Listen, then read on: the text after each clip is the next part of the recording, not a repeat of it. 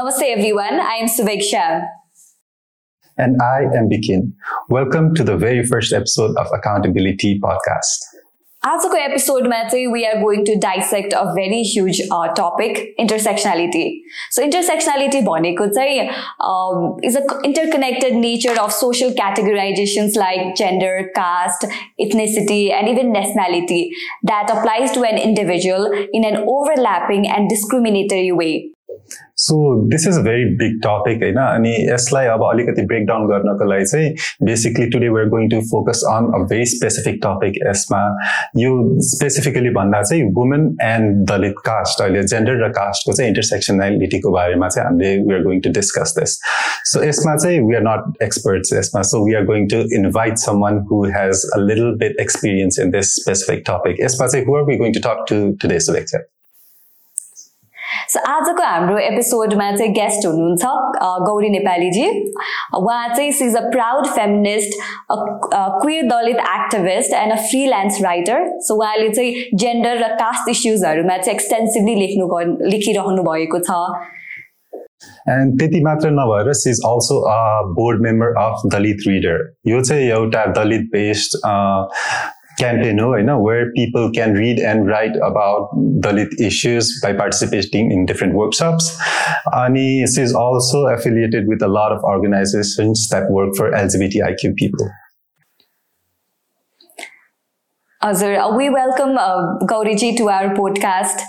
अनि Sanjay, हुनुहुन्छ Gauriji ki thal खबर म एकदम ठिक छु। थ्याङ्क यू सो मच शुभेच्छाजी बिकिनजी तपाईँहरूले मलाई फोरम उपलब्ध गराउनु भएकोमा बोल्न दिनुभएकोमा तपाईँहरूको पोस्टका पोडकास्टमा चाहिँ इन्भाइट गर्नुभएकोमा थ्याङ्क यू सो मच एकदम ठिक छु म। सन्चै हुनुहुन्छ नि तपाईँहरू? हजुर हजुर। हामीहरू पनि एकदमै सन्चै छौँ। जस्तो म चाहिँ अहिले हामीले टपिकको पनि कुरा गरिहाल्यौँ होइन? अनि गौरीजीलाई चाहिँ जस्तो हजुर एउटा महिला पनि हुनुहुन्छ होइन? अनि त्यसै गरी हजुर चाहिँ दलित दलित समुदायबाट चाहिँ बिलङ पनि गर्नुहुन्छ अनि लेखिराख्नु पनि भएको छ यो इस्युजहरूको बारेमा। सो अलिकति हजुरलाई चाहिँ यो कुराहरूको लागि जस्तो यस्तो एक्टिभिजमको लागि चाहिँ प्यासन कसरी आइरहेछ अनि हजुरको केही पर्सनल प्रोफेसनल एक्सपिरियन्सहरूले गर्दाखेरि हो कि हुन्छ नि यसमै लाग्नुपर्छ भन्ने हिसाबले अलिकति भनिदिनु दिनुहोस् न। अब यो एक्टिभिजममा लाग्ने भन्ने कुरा चाहिँ यो लाग्छु भनेर लाग्ने मेरो सवालमा चाहिँ म लाग्छु भनेर एकदम सचेत ढङ्गबाट लागेको चाहिँ होइन है। अब म जुन मेरो ब्याकग्राउन्डहरू म जुन आइडेन्टिटी बोकेको मान्छे छु मेरो जुन ब्याकग्राउन्ड छ त्यसले चाहिँ बिस्तारै बिस्तारै तान्निँदै तान्निँदै आएको हो भन्ने चाहिँ मेरो भोगाइ र मेरो अनुभवले म भन्न चाहन्छु। जस्तो म सानो बेलामा म त्यस्तै चार वर्षको थिएँ होला। चार वर्षको बेलातिर चाहिँ मलाई एउटा इन्सिडेन्ट भएको थियो त्यो विभेदको घटना भएको थियो। त्यो सानो बच्चा बेलाको दिमागले चाहिँ एउटा जातीय विभेदको झल्को चाहिँ मैले गाउँमा बसिरहँदा चाहिँ म आफूले भोगेको थिएँ। त्यतिखेर म म म चाहिँ के हुँ भन्ने कुरा थाहा नहुँदा नहुँदै एउटा विभेद भोगिरहनु पर्दाखेरि चाहिँ त्योदेखि त्यो बेलादेखि एउटा दिमागमा परेको छाप होइन। एउटा त्यतिखेर चाहिँ मैले बच्चा बेलामा दलित हुँदाको पीडा चार वर्षको उमेरदेखि गाउँमा भोगेको थिएँ होइन। त्यो इन्सिडेन्टबाट चाहिँ पछि बिस्तारै बिस्तारै ओहो मलाई चाहिँ किन अरू जस्तो व्यक्ति भनेर हेरिँदैन होइन? मलाई चाहिँ किन ए यहाँ छोइन्छ यहाँ आऊ त्यहाँ नआऊ भनेर किन भनिन्छ? अरूको पल्लो घरमा साथीहरूसँग खेल्न जाँदा किन त्यो भनिन्छ? भन्ने कुराले चाहिँ त्यो हिट गरिराखेको थियो। त्यो सानो दिमागले सानो बच्चा बेलाको मानसपटलले त्यस पछाडि हुर्किँदै जाँदा त्यो चाहिँ झन् बेसी अनुभव हुन थाल्यो झन् बुझ्दै बेसी बुझ्दै गएँ। त्यो हुर्कदै बढ्दै जाने क्रममा चाहिँ त्यो आफैभित्र एउटा प्रश्न जन्मियो कि मलाई किन यसरी हेरिन्छ म जस्तो व्यक्तिलाई किन यसरी हेरिन्छ भन्ने प्रश्नले चाहिँ एक किसिमको डिराइभ गर्दै गर्दै गर्दै चाहिँ बोल्नुपर्छ लेख्नुपर्छ भन्ने किसिमको एउटा चेत अलिक ठुलो हुँदै गर्दाखेरि आयो र नजाने तरिकाले चाहिँ म यसमा फसिसकेछु भने जस्तो चाहिँ लाग्यो र पढिसकेछु म बोल्न थालेछु। लेख्न विशेष बोल्ने भनेको मेरो भोइसले बोल्ने भन्दा नि म लेखेर बोल्ने गर्न थालेछु। त्यो चाहिँ मेरो अना के भन्छ नजान्ने त तरिकाले यतातिर वेमा चाहिँ आएको हजुर। इस्युजहरू चाहिँ या तपाईँले जसरी सेयर गर्नुभयो त्यही वुमेन भएर दलित भएर what you had to go through हामीले इमेजिन पनि गर्न सक्दैन होला क्या it's so difficult being a part of a marginalize community एउटाको मात्र हुन अझ यसमा त इन्टरसेक्सनलाइजेसनको आज कुरा गर्दै जाँदा वुमेन एन्ड दलित भए पछाडि चाहिँ झन् त्यसको अब कति मल्टिप्लिकेटिभ अपरेसन हुन्छ कति डिस्क्रिमिनेसन हुन्छ यसमा कति अप्ठ्यारो हुन्छ होइन?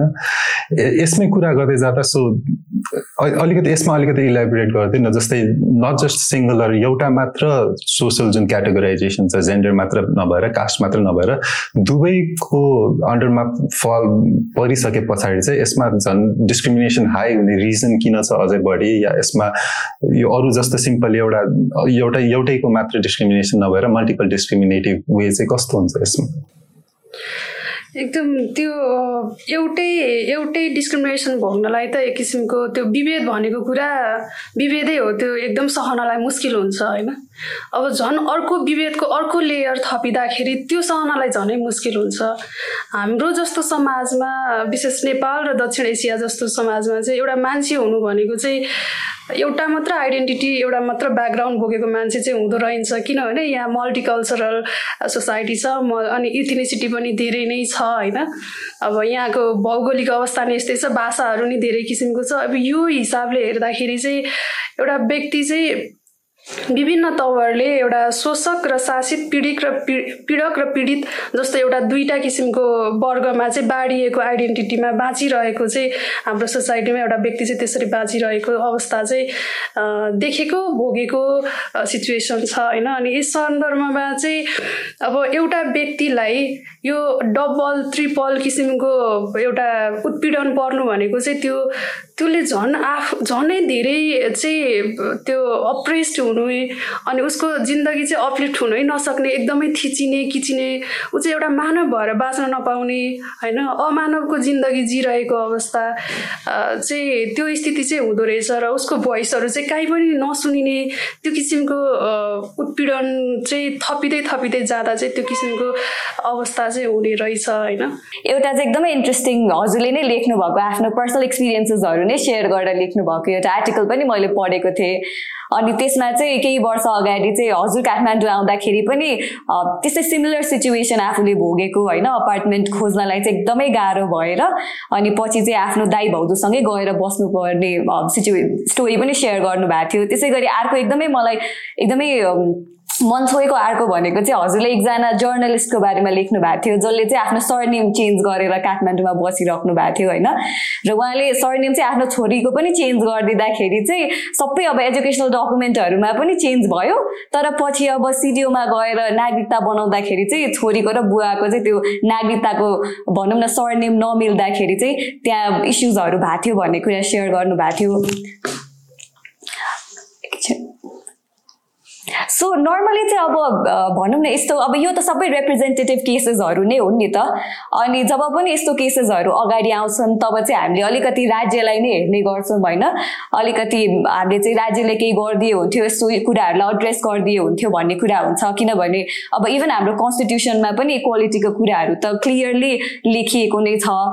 सो अलिकति हजुरले त्यो पर्सपेक्टिभ पनि हामीलाई दिनुहुन्छ कि लाइक राज्यले चाहिँ अहिले यस्तो कुराहरूलाई कसरी अप्रोच गरिरहेछ?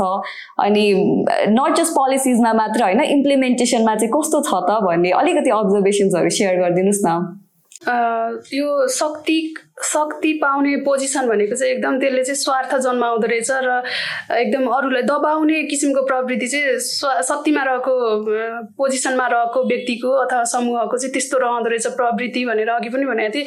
राज्य भनेको पनि त्यही नै हो कि राज्य भनेको नि एउटा शक्तिशाली पोजिसनमा भएको शक्तिलाई होल्ड गरिरहेको ठाउँ हो नि त राज्य भनेको। अब राज्यको दायित्व भनेको चाहिँ खासमा नागरिकहरूको संरक्षण गर्नु नै हो। होइन सबै नागरिकलाई समान व्यवहार गर्नु नै हो। तर एउटा शक्तिशाली पोजिसनमा भएको व्यक्तिहरूले चाहिँ फेरि के गर्दो रहेछन् भन्दाखेरि नागरिकहरू बिच पनि अब समानताको नारा लाउँदा लाउँदै पनि एक किसिमको विभेद गरि नै रहेको हुँदो रहेछ होइन? त्यो विभेदमा चाहिँ झन् पिदमा परेको धेरैवटा विभेदको लेयर भोगिरहेको मान्छे चाहिँ पिदमा परिरहेको मान्छेको आवाज चाहिँ त्यो शक्ति शक्तिलाई चाहिँ होल्ड गरिरहेको व्यक्तिहरूसँग पुग्ने नै नरहेछ। आवाज नै नपुग्ने आवाज नै नबुझिदिने त्यस्तो हुँदो रहेछ। अनि हाम्रो राज्य र हाम्रो सरकारको कुरा गरिरहनु पर्दाखेरि नि हामीले देखेको त्यही नै हो। हामीले वर्षेनी हेर्न सक्छौँ।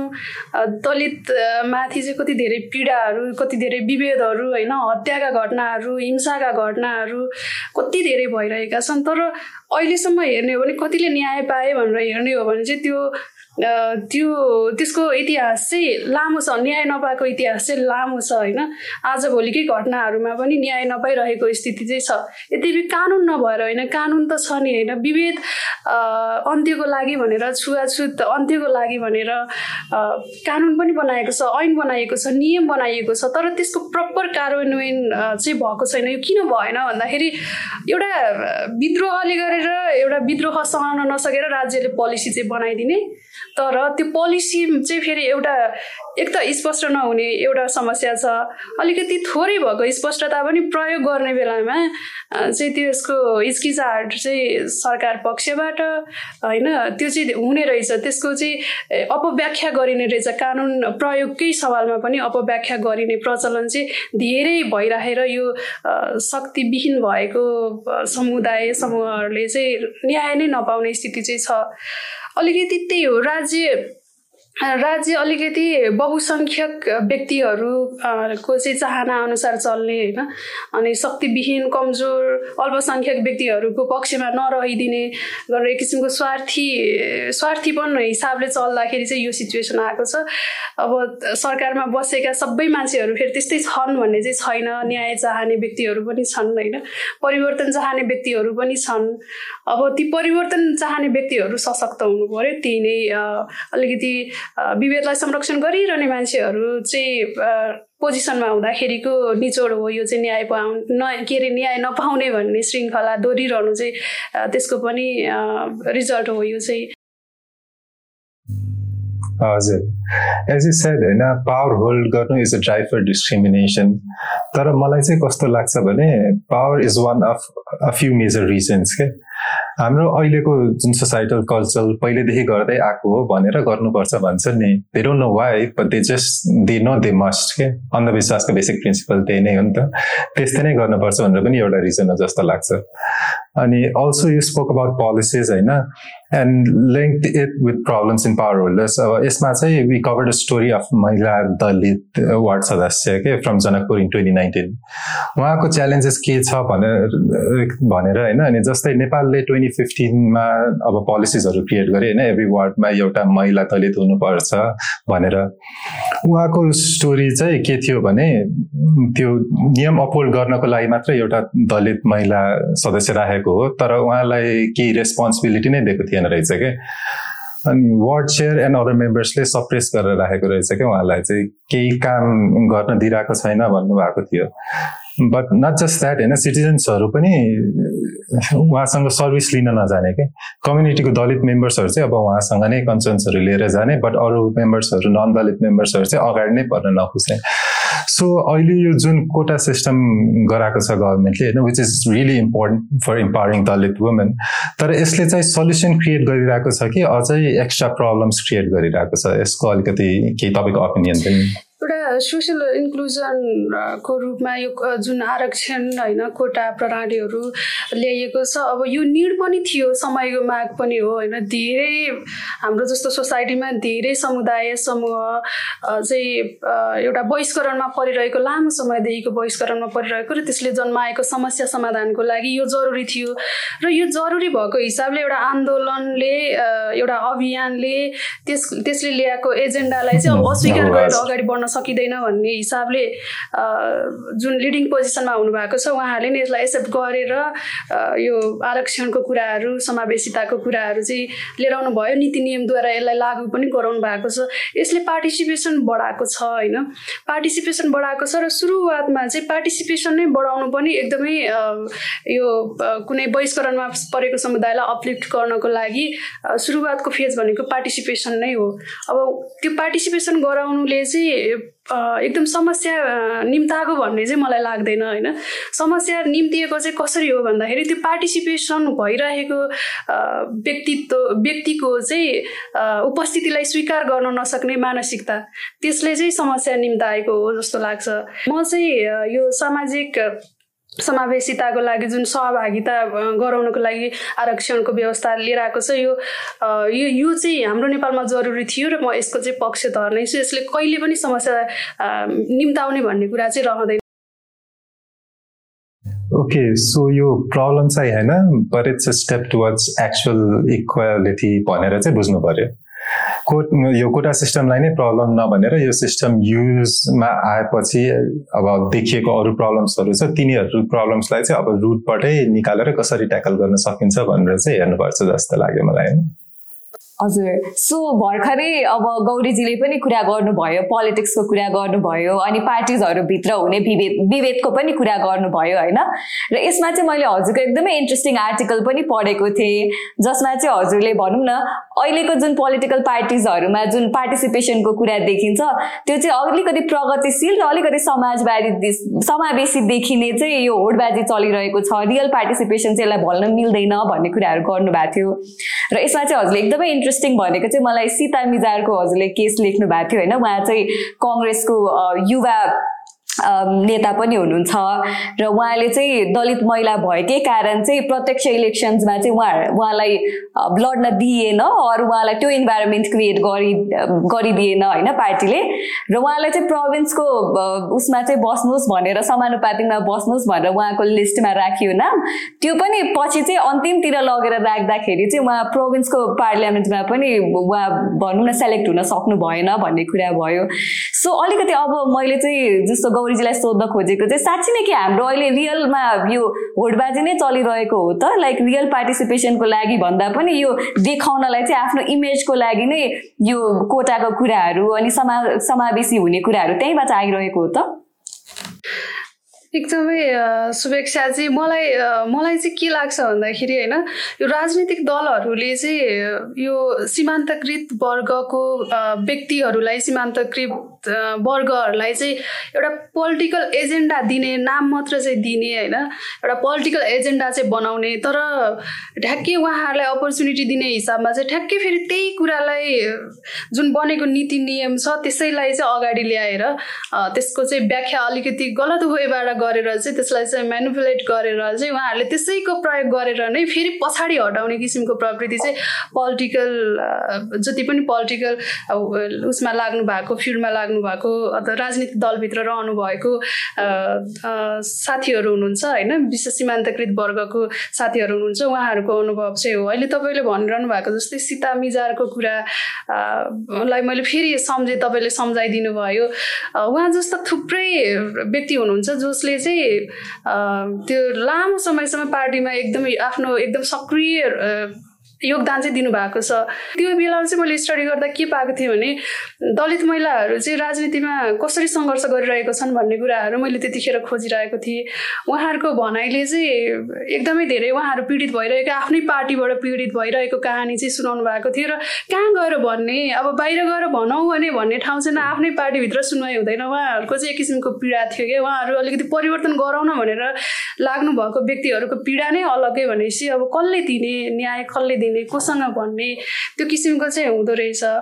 अनि फेरि अर्कोतिर चाहिँ कता कस्तो पनि देखियो भने अब उहाँहरू दलित महिला दलित पुरुषले दलित महिलाको इस्यु बोलिदिँदा हुन्छ नि त। सँगै भएको फेरि अर्को राजनीतिक दलको दलित पुरुषहरूले फेरि उहाँहरूको मुद्दा नबोलिदिने। होइन कहाँ गएर बाजिँदो रहेछ भने उहाँहरू पनि अब पुरुष नै पर्नुभयो होइन?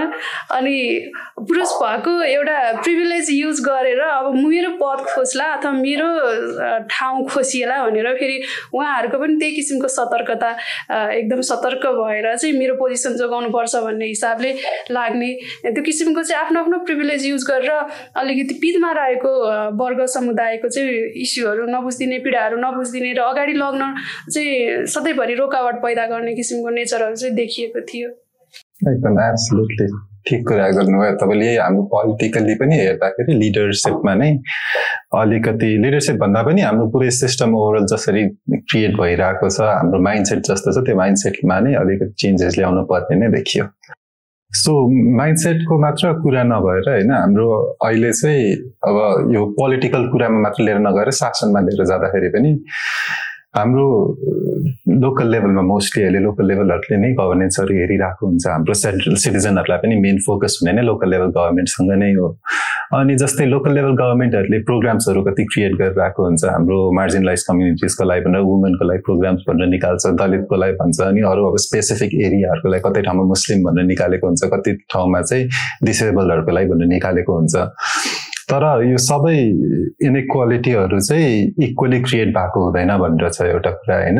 त्यो भइसके पछाडि जुन हाम्रो इन्टरसेक्सनलाइजेसन भएको हुन्छ मल्टिपली नै दुईवटा डिफ्रेन्ट अब यो हाम्रो डिस्क्रिमिनेसनमा परेको मान्छेहरूलाई चाहिँ स्पेसिफिकली हेर्नुपर्छ छुट्टै नै हेर्नुपर्छ भन्ने कुरा आइरहेको छ क्या अहिले ग्लोबली पनि। जस्तै यो वुमन र एउटा रेसमा छ भने त्यो दुवैजनालाई एउटै ठाउँमा हेरेर सो युएसहरूमा अहिले मोस्टली आएको यो वेस्टर्न कन्ट्रिजहरूमा चाहिँ अफ्रिकन अमेरिकन वुमेनहरूको केसेसहरू छुट्टै नै हेर्नुपर्छ एउटा वुमेनको र एउटा अफ्रिकन अमेरिकन रेसको मात्रै हेरेर हुँदैन भनेर चाहिँ त्यस्तै तरिकाले हाम्रो चाहिँ अहिले अब लोकल लेभलमा या प्रोग्राम्सहरूमा हेर्दा बजेटिङहरू हेर्दाखेरि चाहिँ दलित वुमनलाई फोकस अहिलेसम्म भएको छ कि छैन र छैन भने यसलाई गर्न कतिको इम्पोर्टेन्ट छ? भनेर क्वेसन हजुरलाई।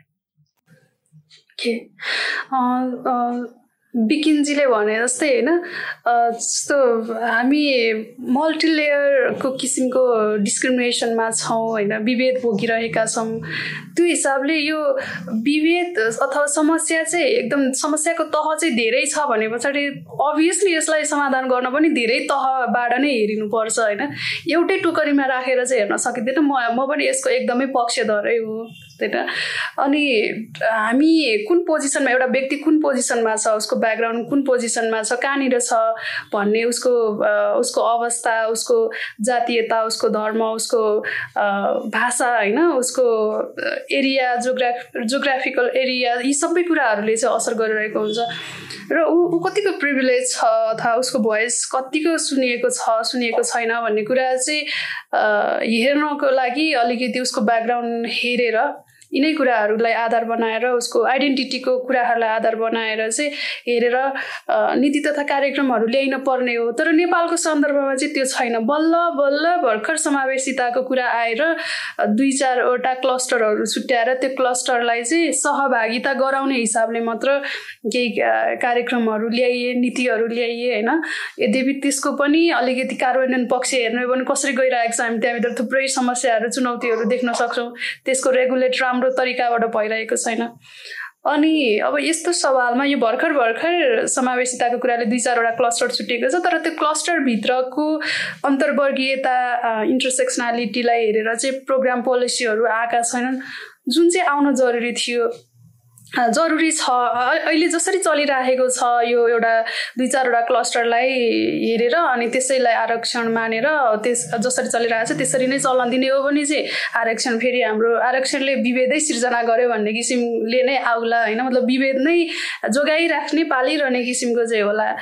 तर अलिकति फरक ढङ्गले अलिकति उसले चाहिँ कतिवटा विभेद दोहोरो तेहेरो कतिवटा एउटा समूह समुदायले अथवा एउटा समुदायभित्र रहेको एउटा समूहभित्र रहेको व्यक्तिहरूले चाहिँ कति धेरै किसिमको विभेद भोगिरहनु परेको छ त्यही किसिमको चाहिँ थप सेवा सुविधाहरू दिने नीति कार्यक्रमहरू भयो भने चाहिँ अलिकति क्वालिटी वेमा चाहिँ इक्वालिटी भन्ने कुरा आउला होइन?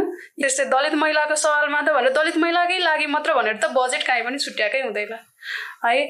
दलितलाई भनेर छुट्याएको होला। दलितलाई छुट्याएको त छँदै छैन भनेर सीमान्तकृत वर्ग भनेर त्यसरी छुट्याएको हुन्छ होइन? सीमान्तकृत वर्गमा कति थो कति थोक वर्गका मान्छेहरू आउँछन्। त्यहाँ चाहिँ कसलाई सेलेक्ट गर्ने भनेर अब कुन चाहिँ ग्रुपलाई चाहिँ लिने त्यही अनुसारको थाहा नै हुँदैन। अब यही लोकल लेभलमा कसरी गरिरहेको छ प्लस यो important this is a really important topic तर यसमा चाहिँ त्यही अहिलेसम्म भइरहेको प्रोसेसमा चाहिँ त्यही एउटा सीमान्तकृत ग्रुप भनेर बनायो। त्यस पछाडि त्यसमा को पर्छ पनि थाहा हुँदैन। एक्टिभिटी गर्दा गरिसकेको छ भने तर कसले पाइसकेको हुन्छ त्यो बजेट चाहिएको मान्छेले पाएको हुन्छ कि हुँदैन प्रोग्राम त्यो च्यालेन्ज चाहिँ त्यही नै छ एकदमै एकदमै। त्यसको अलिकति स्पष्ट व्याख्या गरिदिने होइन? स्पष्ट तरिकाको कानुन बनाइदिने नीति बनाइदिने त्यो स्पष्टता छँदै छैन कि यो। अनि त्यही अस्पष्ट अस्पष्टमा चाहिँ त्यो हुँदा अब जता जता मन लाग्छ त्यतै त्यतै छरिदिने जता ज जसको पाउँछ त्यसैले चाहिँ फेरि अपर्च्युनिटीहरू ग्राप गर्ने त्यो किसिमको चाहिँ त्यो किसिमको अभ्यास चाहिँ अब आजभोलिको समाजमा हामीले देखिरहेको छौँ र यसले चाहिँ विभेदलाई एकदमै झनै प्रशय दिइराखेको दिइराखेको अवस्था चाहिँ छ। सो त्यही त अघि हामीले अब माइन्डसेटको पनि कुरा गऱ्यौँ होइन। अनि माइन्डसेटको कुरा गर्दा गर्दै चाहिँ मलाई जस अलिअलि कुरा इस्युजहरू याद आयो।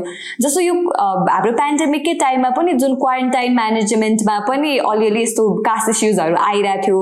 अनि त्यो बेलामा लोकल गभर्मेन्टहरू डिरेक्टली इन्भल्भ हुँदाखेरि पनि कति ठाउँमा चाहिँ लोकल गभर्मेन्टहरूले यस्तो मुद्दाहरूमा चाहिँ बहसहरू गरेको अरू यस्तो मुद्दाहरूलाई एड्रेस गरेको चाहिँ हामीले त्यति देखेनौँ। अनि त्यसै गरी अब माइन्डसेटमा हजुरकै एउटा आर्टिकलमा मैले पढ्दै गर्दा गर्दाखेरि पनि जस्तो दुई हजार सडसठी सालमा चाहिँ पहिलोचोटि चाहिँ दलित महिला चाहिँ मन्त्री हुनुभएको भनेर हजुरले लेख्नु भएको छ होइन कलावती पासवान। अनि उहाँ मन्त्री हुनुभयो तर पछि अडसठी साल दुई हजार अडसठी सालमा चाहिँ उहाँ एउटा दुर्गा पूजामा एउटा गैर दलित मन्दिरमा जाँदाखेरि चाहिँ त्यहाँ एकदमै विरोध भयो आन्दोलन पनि भयो उहाँमाथि कुटपिट पनि भयो भन्ने कुराहरू भयो। सो यसमा चाहिँ मैले सोध्न खोलेको खोजेको चाहिँ जस्तो पोलिसीको कुरा छ कोटाको कुरा छ होइन तर एउटा जुन पब्लिक माइन्डसेट हुन्छ नि त्यो पनि चेन्ज गर्नु त्यत्तिकै नै आवश्यक छ कि भन्ने जस्तो मलाई चाहिँ फिल भयो। र यसमा जोड्दै गर्दाखेरि चाहिँ जस्तो मैले अघि पनि हजुरसँग कुरा गरिरहेको थिएँ आर्टिकल फिफ्टिन भन्ने एउटा मुभी चाहिँ मैले हेरेको थिएँ एकदमै इन्ट्रेस्टिङ मुभी छ होइन? अब कास्टकै बारेमा स्पेसली कास्ट अनि फिमेललाई जोडिएर बनाएको मुभी छ।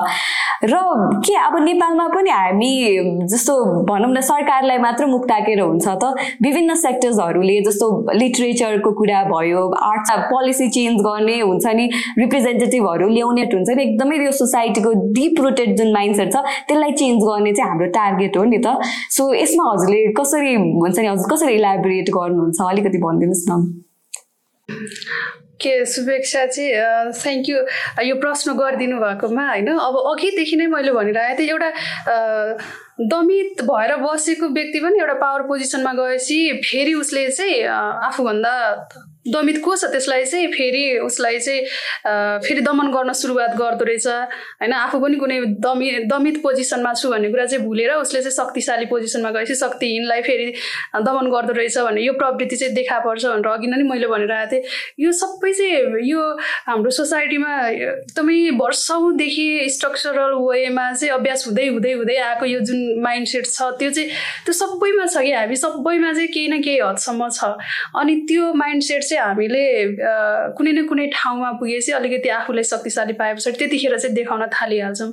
अब दलित महिला भयो त्यो चाहिँ सबैभन्दा पिरमा छ भनेर हामी भनिरहन सक्दैनौँ कतिपय पोजिसनमा जस्तो पहाडिया दलित महिलाले फेरि तराईको दलित महिलालाई फेरि हेप्ने होला होइन? त्यस्ता त्यस्ता कुराहरू पनि चाहिँ छन्। यो सबै चाहिँ हामी एका साइडमा चाहिँ हामी आफै पनि एउटा एउटा दबिएको पोजिसनमा होइन तल्लो पोजिसनमा रहिरहेका हुन्छौँ भने अनि अर्कोतर्फ फेरि आफूभन्दा तल्लो पोजिसनमा रहेकोलाई फेरि हामीले अर्को दमन अर्को विभेद पनि गरिरहेको स्थिति त्यो नजाने त तरिकाले त्यो चाहिँ हाम्रो सबै चाहिँ कहाँबाट आयो भन्दाखेरि चाहिँ हामी वर्षौँदेखि अभ्यास गर्दै आइरहेका छौँ र हाम्रो मानसिकता नै त्यही भइसक्यो कि अर्कोलाई विभेद गर्नुपर्छ भनेर त्यो हामी देखाउन त चाहँदैनौँ हामी एकदमै सभ्य देखिन चाहन्छौँ हामी एकदम नैतिकवान देखिन चाहन्छौँ र त्यो हामी त्यही देखिन देखाउँदै देखाउँदै जिन्दगी बाँचिरहेका हुन्छौँ तर त्यो काहीँ न कहीँ गएर चाहिँ हाम्रो हामी देखिन चाहेको कुरालाई भन्दा नि हामीले लुकाएको कुरा चाहिँ बाहिर आउँछ होइन? हामी भित्रैदेखि परिवर्तन भइरहेको चाहिँ छैनौँ। हाम्रो यो माइन्ड सेट चाहिँ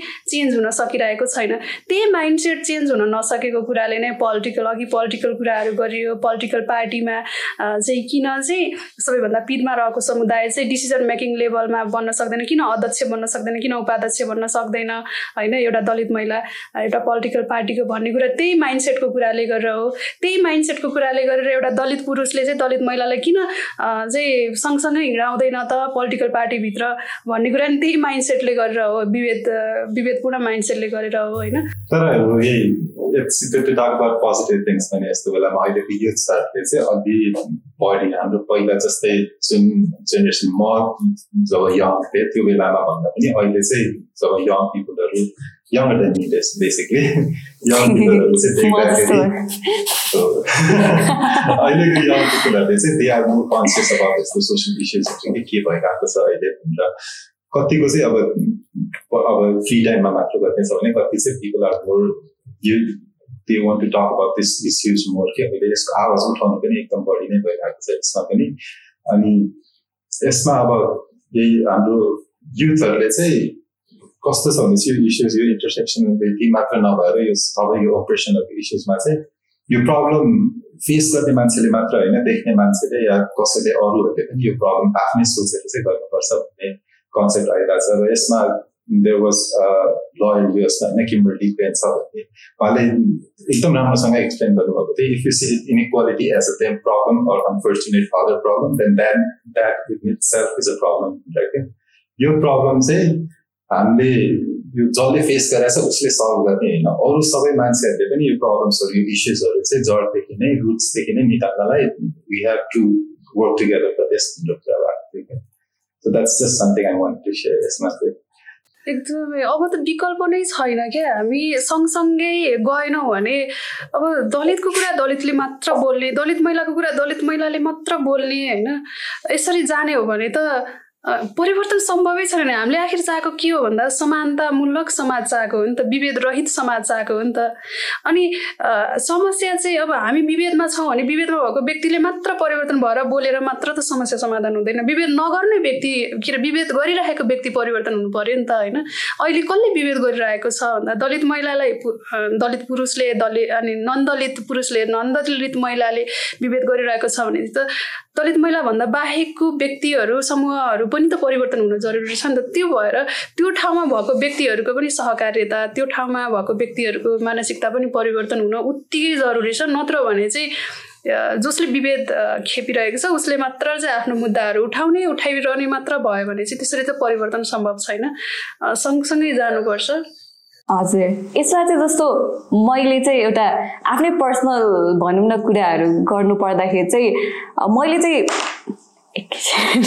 सरी सो मैले चाहिँ यो इस्युजहरू हेर्दाखेरि चाहिँ कसरी हुन्छ नि कसरी हेर्छु भन्दाखेरि चाहिँ आई थिङ्क इम्पसी पनि एकदमै इम्पोर्टेन्ट हुन्छ जस्तो लाग्छ होइन जब पनि हामीले यस्तो कुराहरू गर्छौँ।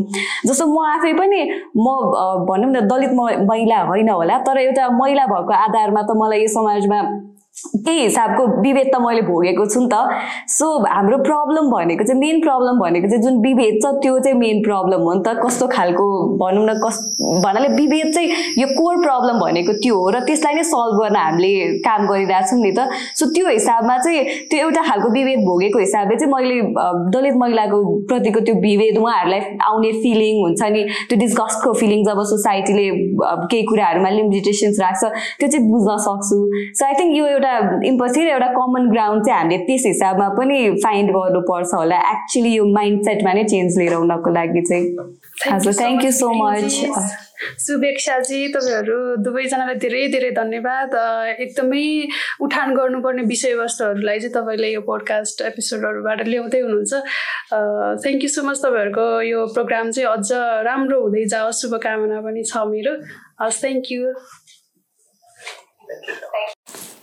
हजुरहरूलाई गौरी नेपालीजीको बारेमा अझै धेरै बुझ्नु छ भने हजुरहरूले उहाँलाई इमेल पनि गर्न सक्नुहुन्छ उहाँको इमेल एड्रेस चाहिँ तल दिएको छ thank you so much Gauriji and thank you for listening to the end of our podcast if you enjoy to this episode don't forget to leave a comment below with your suggestions and feedback will be back with more interesting guest in the future so please follow us on our socials good bye and have a good day